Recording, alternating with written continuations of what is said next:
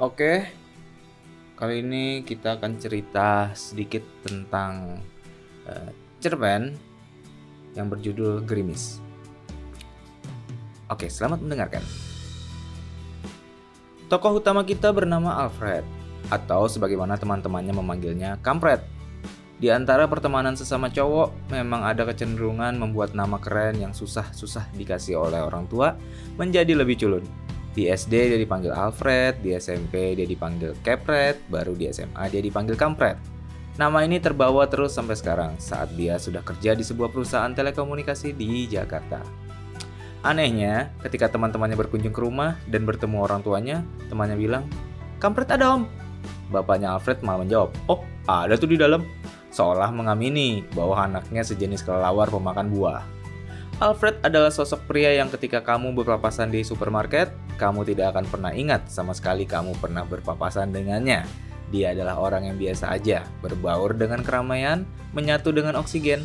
Tidak ada yang tahu bahwa dia punya bekas luka di tangan kanannya, hasil dari bermain di comberan ketika kelas 6 SD. Tidak ada yang tahu dia suka baca novel detektif, Alfred adalah tipikal orang yang tiap kali dia potong rambut, tidak ada satupun orang yang sadar sampai rambutnya panjang lagi. Sekarang, Alfred sedang patah hati. Di tengah pandemi seperti ini, ternyata ada yang lebih buruk di tahun 2020. Bagi Alfred, dia baru aja diputusin oleh pacarnya selama lima tahun belakangan ini. Nama perempuan itu adalah Lisa. Tempat terjadinya pemutusan secara tidak berkepri pacaran itu adalah di kamar Alfred. Pukul 11 malam, Alfred baru aja selesai menonton episode terakhir dari drama Korea Hai Bye Mama. Handphonenya berbunyi. Isinya WhatsApp sederhana dari Lisa. Aku rasa sudah waktunya kita selesai. Dengan polos, Alfred membalas. Selesai apa? Selesai. Kita harus akhiri cerita cinta ini. Lisa mutusin Alfred dengan bahasa yang sangat baku.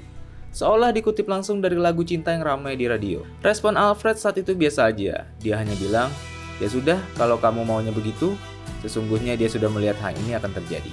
Seperti mengendarai sebuah mobil, dia sudah bisa melihat dari jauh kalau lampu lalu lintas akan menjadi warna merah. Alfred hanya tidak menyangka waktunya secepat itu. Dia sudah punya feeling, karena setiap kali dia meminta ketemu dengan Lisa, Lisa tidak mau. Alasan Lisa, sekarang kan lagi pandemi, nanti kamu bawa virus. Bahkan ketika Alfred menawarkan untuk swab test, seharga seperlima dari gajinya setiap bulan, Lisa masih tidak mau. Jangan, kata Lisa. Siapa tahu swab testnya salah. Lah, namanya swab test kok bisa salah? Tanya Alfred. Ya namanya manusia, tidak luput dari kesalahan. Begitu ucap Lisa. Anehnya, Lisa masih nongkrong sama teman-temannya. Update di story Instagram dengan teman yang lain, tanpa masker, pakai stiker Good Vibes Only atau I Love Friday. Postingannya tersebut juga tidak di close friend, yang membuat Alfred bertanya-tanya kenapa Lisa tidak berusaha menyembunyikan hal tersebut dari dirinya. Seolah-olah ada sinyal yang dia mau berikan, seolah Lisa mau bilang, gue emang gak mau lagi ketemu lo lagi. Gitu. Tapi ya sudahlah, mungkin hubungan dia dan Lisa harus berakhir. Begitu pikir Alfred. Walaupun lima tahun rasanya waktu yang terlalu lama untuk diakhiri dengan sebuah kalimat sederhana, ketika diputusin, Alfred tidak menangis. Tidak, dia hanya duduk memeluk bantal Iron Man kesukaannya, lalu tidak merasakan apa-apa. Aneh ya, bagaimanapun putus cinta biasa digambarkan dengan perasaan yang sangat sakit. Tapi kali ini yang terasa justru sebaliknya, hampa. Seperti seorang yang baru saja dipukul di kepala, Mungkin respon pertamanya adalah, kok nggak sakit ya? Eh, tiba-tiba gelap aja, pingsan di tengah jalan. Itu yang terjadi. Tepat 5 jam setelah diputusin, badai memori menabrak pikiran Alfred. Dia menangis hingga tidak mengenali suaranya sendiri. Alfred menangis cukup keras untuk ukuran laki-laki 24 tahun. Alfred masih tinggal dengan orang tuanya. Dan orang tuanya mendengar suara tangisan itu dari kamar sebelah. Bapaknya mengetuk pintu kamar, membukanya dan bertanya, Nak, kamu kenapa? Bapak Alfred melihat anaknya duduk di atas kasur, selimut berantakan, air mata membasahi pipinya. Enggak kenapa-napa, Pak. Kata Alfred, sambil buru-buru menghapus pipinya yang basah kuyup. Bapak Alfred langsung memeluk erat anaknya. Dan dalam pelukannya sambil melihat laptop yang masih terbuka, dia berbisik kepada Alfred. Papa ngerti kok nak, emang endingnya hai bye mama, sedih banget. Alfred yang enggan membenarkan salah paham ayahnya malah menjawab, Actingnya Kim Tae emang bagus banget di situ pak. Satu bulan setelah putus cinta, Alfred pelan-pelan mencoba untuk beraktivitas kembali. Alfred mulai menerima kenyataan bahwa dia di-unfollow oleh Lisa di Instagram. sebuah konfirmasi bahwa dia memang benar diputusin. Karena di zaman sosial media seperti sekarang ini, putus cinta baru sah jika semua foto dengan mantan telah dihapus dan akun kita telah di-unfollow. Sebelum itu terjadi, masih ada harapan untuk terjadi keajaiban. Mungkin. Alfred juga sudah mulai menerima kenyataan untuk memasukkan semua barang Lisa ke dalam kotak kardus coklat dan menyimpannya di pojok kamar. Alfred perlahan sudah bisa menerima bahwa dia harus melanjutkan hidupnya Alfred juga tahu, di antara hal yang bikin nyesek seperti ini, dia masih bisa bersyukur. Di tengah pandemi, dia masih bisa WFH dari kantor, tabungannya cukup, dan keluarganya semua sehat. Tidak semua orang seberuntung dia. Satu hal yang bikin Alfred susah move on, gerimis. Dalam setahun pertama mereka pacaran, Alfred pernah mengantarkan Lisa pulang. Saat itu sedang ada gerimis. Lisa bilang kepada Alfred, Aku suka gerimis, pas aja gitu. Belum sampai hujan yang bikin orang kedinginan, tapi udah tidak mendung yang bikin orang muram. Gerimis itu hawa yang pas buat aku. Alfred membalas pada saat itu. Gerimis juga saat yang tepat untuk jatuh cinta. Iya apa sih Nora? Kata Lisa saat itu. Padahal senang dalam hati. Di bawah gerimis sore itu, di dalam mobil Alfred, api dia dan mereka berdua terasa begitu hangat. Tiga bulan setelah putus, Alfred masih belum mau menyetir mobil ketika mendung. Dia tidak ingin ada di tengah gerimis dan semua memori malam itu luber keluar tanpa kendali. Di saat ini juga Alfred melihat sebuah iklan sederhana dari postingan seorang temannya. Drive-in Cinema. Nikmati pengalaman nonton di layar besar, film-film di bioskop dari dalam mobil. Alfred sudah kangen sekali menonton film layar lebar, dan nonton di dalam mobil adalah solusi yang paling masuk akal di tengah pandemi seperti ini. Alfred berencana membawa mobilnya, Toyota Corolla tahun 2008 yang dia dengan bangga beli dengan tabungannya sendiri, biar bekas yang penting tidak ngutang, kata Alfred setelah berjabat tangan dengan pemilik sebelumnya. Ketika Alfred menutup pintu mobil itu, ingatan terhadap Lisa kembali terjadi. Sekelebat, memori antar jemput Lisa dari kantor ke rumahnya hampir setiap hari terngiang kembali di kepalanya. Air matanya tidak dia sadari kembali mengenang. Di luar, ibu Alfred yang sedang membaca buku di teras rumah melihat anaknya menangis. Pah, kata ibunya, memanggil bapaknya. Ya mah, kata bapaknya menghampiri ibunya. Kayaknya Alfred harus ngurangin nonton drama Korea deh. Bapaknya ngangguk setuju. Mobil Alfred menembus jalanan yang ramai, seolah tidak ada pandemi yang sedang terjadi. Dia masukkan mobil di tengah-tengah mobil yang lain. Seorang karyawan drive-in datang membawa popcorn. Aroma jagung bakar yang sudah enam bulan tidak dia hirup, ternyata hal kecil seperti ini yang dia rindukan. Maklum, dua minggu sekali dia pergi bersama Lisa ke bioskop. Film yang bermain hari itu adalah Grease, sebuah film tahun 1978. Alfred menyadarkan kursinya, dia melihat film tersebut bermain, pikirannya justru mengawang-awang. Dia tidak menyimak, gambar yang bermain di depannya terlihat hanya seperti potongan-potongan adegan tanpa arti. Karena pikiran sibuk berjalan sendiri, dia berandai, kalau gue masih pacaran, Lisa mungkin ada di sebelah gue nih. Di tengah-tengah film, tiba-tiba pintu kacanya diketuk. Alfred menoleh ke arah kaca. Jantung Alfred berhenti dua detik saat dia tahu yang mengetuk adalah Lisa. Lisa mengenyirkan alisnya. Dia terlihat gusar. Lisa buru-buru ke arah pintu penumpang. Dia mencoba membukanya, tapi pintu masih terkunci. Buka kuncinya, kata Lisa. Alfred masih bengong nih. Buka kuncinya, Fred. I iya, kata Alfred. Ngomongnya agak tergagap. Ada di ambang kaget dengan tidak siap. Melihat mantan pacar seperti ini seperti melihat hantu. Suatu yang pernah ada, tapi sekarang gentayangan. Lisa masuk ke dalam mobil Alfred. Dia memakai baju pink hari itu. Rambut ikalnya terlihat bercahaya di terpa gambar dari layar besar di depan mobil. Alfred masih bengong, tidak siap dengan ini semua. Dia masih belum mengucapkan satu patah kata pun. Kamu ngikutin aku ya? Tanya Lisa. Suaranya cukup jelas untuk didengar di antara dialog dan musik film yang masih terus bermain.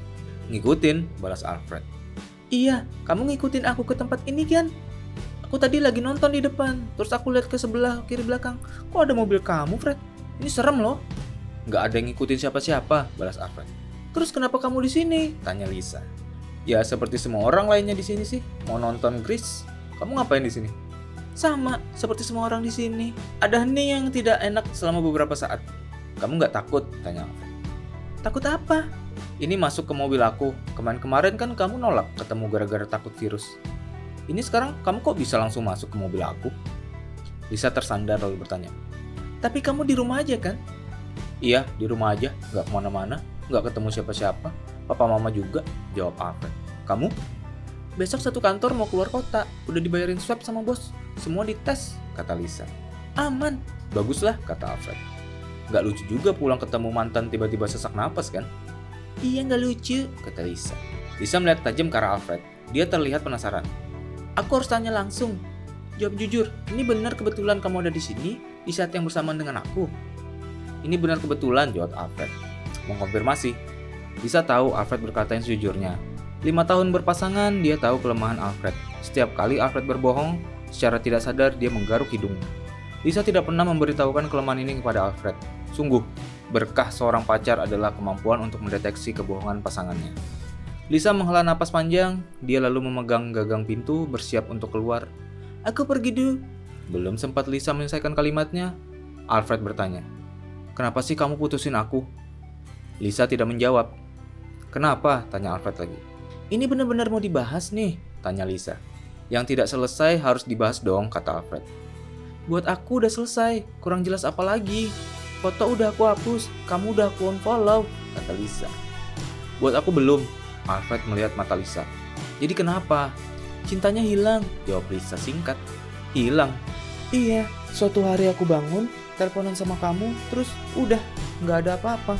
Aku nggak ngerasain apa-apa lagi, kata Lisa hilang begitu aja. Aku juga nggak ngerti, jujur. Aku juga bingung kenapa aku begini. Bosen, kata Alfred. Mungkin, tapi yang jelas, penjelasan paling sederhana, cintanya sudah tidak ada lagi. Maaf, itu sejujur-jujurnya. Aku juga nggak tahu kenapa. Mungkin sekarang kita udah jadi kayak orang yang beda. Lima tahun itu waktu yang lama loh, kata Alfred. Dan aku nggak mau ngabisin lima tahun lagi dengan orang yang salah, ucap Lisa. Mungkin ini sakit buat kamu, tapi mendingan sakit sekarang dibanding sakit nanti. Alfred terdiam. Dia lalu melihat tajam ke arah Lisa. Kamu salah sih, aku nggak berubah. Aku orang yang sama dengan yang kamu temui lima tahun lalu. Aku orang yang sama, yang ngantri di belakang kamu di KFC Kemang. Aku orang yang sama, yang kamu minta tolong malam itu. Aku masih ingat, kamu ada di depan kasir sendirian, mau bayar makanan. Terus kamu nengok ke belakang, kamu bilang, Sorry, boleh pinjam 50 ribu nggak? Gue janji bakal gue ganti. Gue nggak bawa duit maaf banget. Abis itu kita kenalan lalu kita makan satu meja. Aku masih ingat itu semua kata per kata. Aku orang yang sama Lisa. Aku masih sayang sama kamu. Iya kata Lisa. Tapi aku orang yang beda. Alfred terdiam. Alfred dengan gusar berkata terus ingatan-ingatan kita gimana? Kamu mau apain? Aku ada loh ketika kamu lulus. Aku ada ketika kamu butuh interview kerja. Sampai malam aku temanin kamu latihan pakai bahasa Inggris. Kamu nggak bisa bilang gitu dong, balas Lisa. Aku juga ada kok. Pas kamu minta ditemenin skripsi di perpustakaan daerah, aku ngorbanin nggak ngumpul sama teman-teman vokal grup aku. Aku juga ada. Berpasangan bukan masalah hitung-hitungan. Fred, ini sederhana. Aku sudah berubah. Cintanya sudah hilang, kata Lisa. Apa yang berubah, kata Alfred. Semuanya. Mimpi aku, sifat aku, selera aku, band yang kita dengerin dulu, bukan lagi favorit aku. Cela on Seven, tanya Alfred. Itu masih, itu masih. Lisa memandang Nanar ke depan.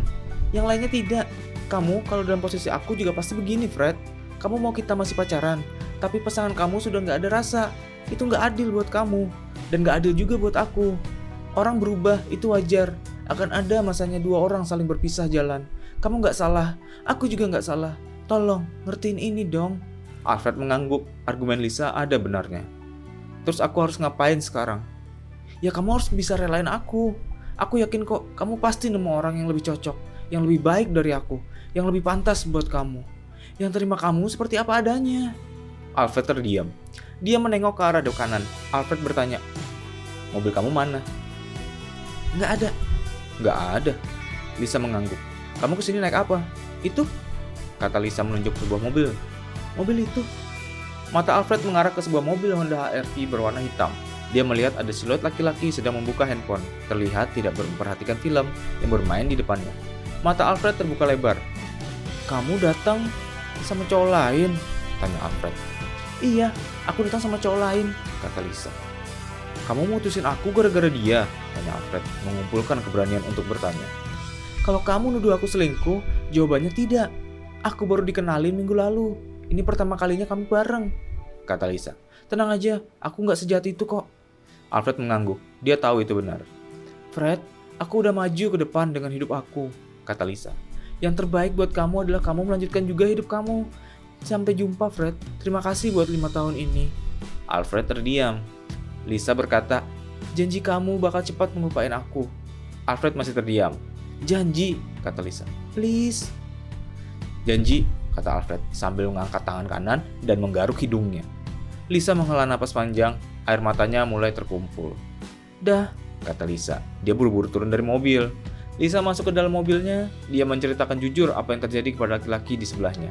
Laki-laki itu menoleh ke Alfred sekilas, tapi lantas tidak peduli. Mereka melanjutkan menonton film. Alfred masih melihat dari dalam mobil tanpa sadar ada gerimis yang berjatuhan di atas mobil, membuat kutukan-kutukan kecil yang mengiringi lamunan Alfred malam hari itu. Alfred melihat ke kaca mobilnya, menyalakan wiper, sambil berharap gerimis kali ini membasuh patah hatinya pergi. Oke, terima kasih yang udah dengerin. Ini cerita dari Raditya Dika yang aku ceritain ulang. Semoga dapat menghibur. Terima kasih.